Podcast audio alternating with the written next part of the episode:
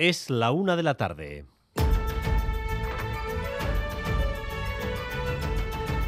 Crónica de Euskadi con Dani Álvarez. A Aldeón, el presidente del Gobierno de España denuncia que seis jueces están negándose a respetar lo que la gente votó en las urnas. Pedro Sánchez anuncia firmeza y avanza que adoptará medidas, medidas que no concreta, para tratar de imponer su reforma del Poder Judicial. Firmeza para hacer prevalecer el respeto a la Constitución y a la voluntad popular expresada libremente en las elecciones. Se trata de un hecho grave porque por primera vez se impide a los representantes legítimos democráticamente elegidos por los españoles que realicen su función de representación de esa voluntad popular y precisamente por eso son hechos que no tienen precedentes en la historia democrática de nuestro país, pero tampoco de ningún país del espacio institucional europeo. Conforme a la ley, conforme a la Constitución, el Gobierno adoptará cuantas medidas sean precisas para poner fin al injustificable bloqueo del Poder Judicial y del Tribunal Constitucional.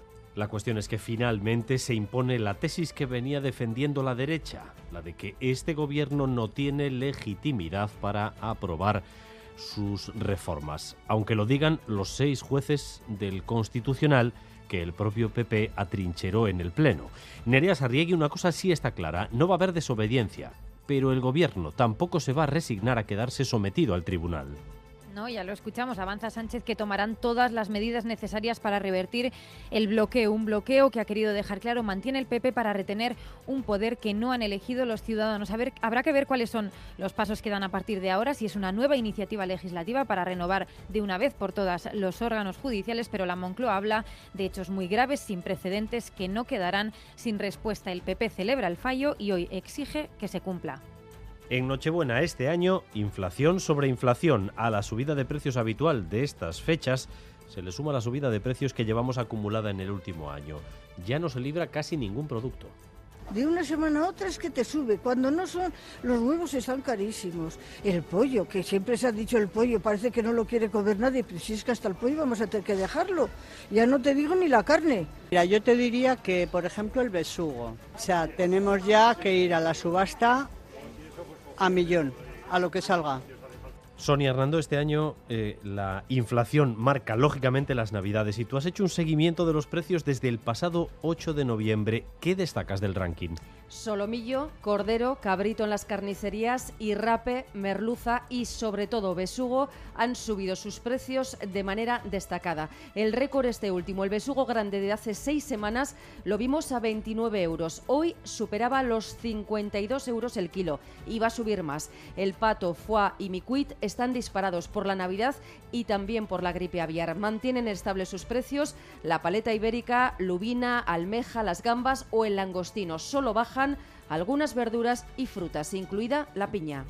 Y Osakidecha anuncia sus planes para la atención primaria durante las Navidades. La mayor parte de ambulatorios seguirán atendiendo de 8 a 5, aunque en algunas decenas de centros de salud el horario se reduce. Natalia Serrano. Sí, también estas navidades reducción de horarios. Hasta el 10 de enero se van a cerrar antes los centros de salud y ambulatorios. El servicio habitual de 8 a 8 se reduce de manera mayoritaria de 8 a 5 de la tarde y en casos excepcionales, según Osakidecha, se puede ver limitado hasta las 3 de la tarde. La situación, atención porque además va a ser variable, habrá centros que adecúen sus horarios durante todas las Navidades, otros solo en días concretos y algunos en ningún caso. En total serán cerca de 90 los centros de salud que se verán afectados de una u otra manera.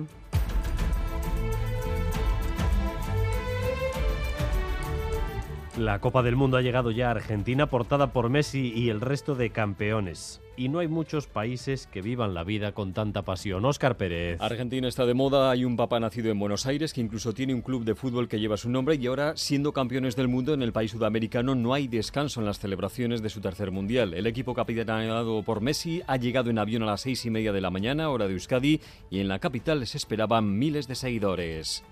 Emocionadísimo, contento, ilusionadísimo. ¡Estoy feliz! Esto no se puede explicar. Es mi segunda copa, pero la primera tenía dos años. Los jugadores se retiraban enseguida a descansar y se espera que esta tarde salgan en autobús a recorrer las calles de la capital entre cientos de miles de bonaerenses y personas venidas de otras ciudades. Se estima que el trayecto podría llegar a durar hasta ocho horas o más.